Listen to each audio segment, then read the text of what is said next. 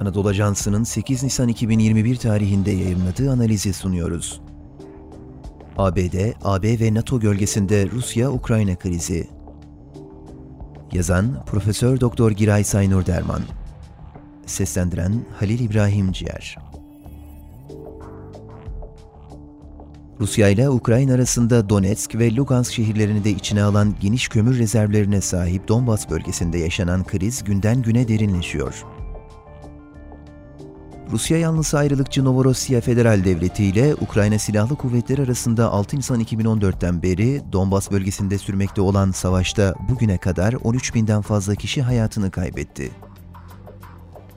Donbas bölgesindeki krizin çözümüne ilişkin Rusya, Ukrayna ve Avrupa Güvenlik ve İşbirliği Teşkilatı'ndan oluşan Üçlü Temas Grubu 27 Temmuz 2020'den itibaren kapsamlı ateşkes kararı almıştı.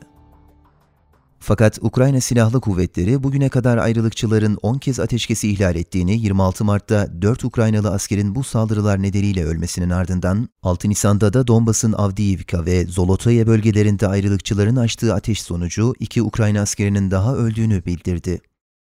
Bölgede gelişen bu olaylar ve akabinde Ukrayna Genelkurmay Başkanı'nın Rusya'nın tatbikat bahanesiyle Ukrayna sınırları yakınlarına asker sevk ettiği, nükleer kapasiteli büyük ve orta menzilli İskender hava savunma füze sistemleri yerleştirdiği yönündeki eleştirisi üzerine mesele ABD ve NATO'nun da sürece dahil olduğu çok boyutlu bir hale geldi. Ukrayna Devlet Başkanı Vladimir Zelenski, Rusya'nın Ukrayna sınırına askeri yığınak yapmasını provokasyon olarak nitelendirerek provokasyonlara hazırız şeklinde bir açıklama yaptı.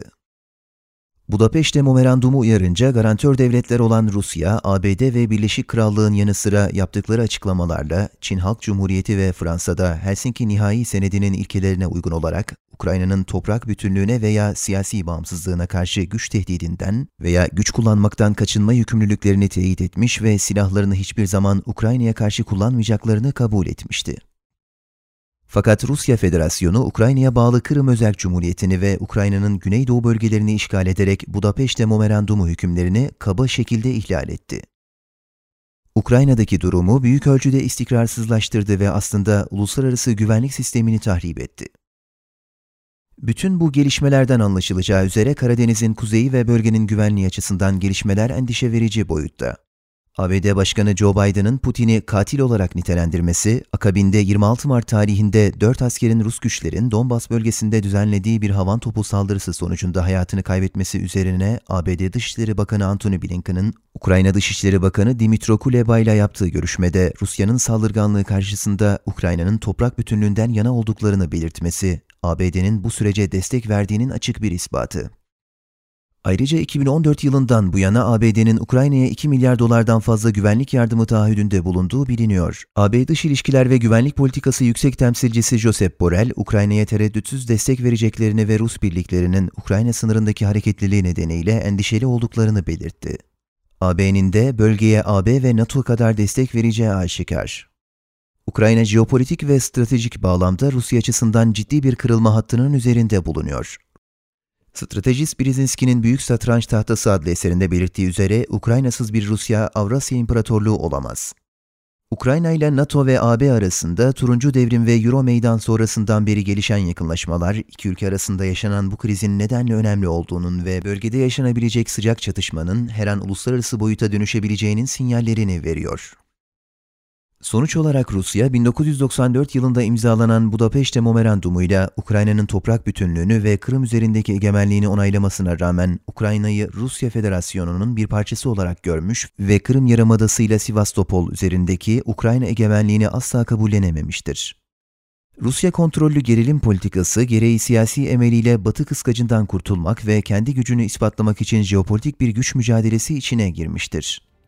Bunun en yakın örneği 2008 Gürcistan Savaşı ve 2014 Kırım işgali olmuştur.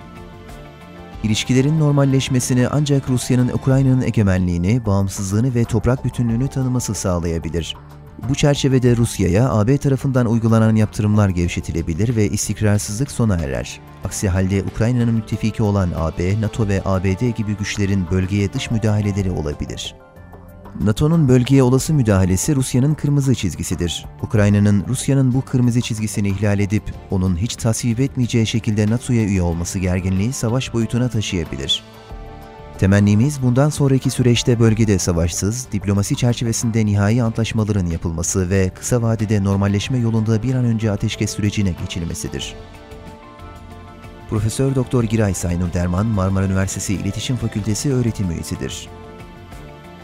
Spotify, SoundCloud ve diğer mecralardaki podcastlerimizi dinlediğiniz için minnettarız. Lütfen abone olmayı unutmayın.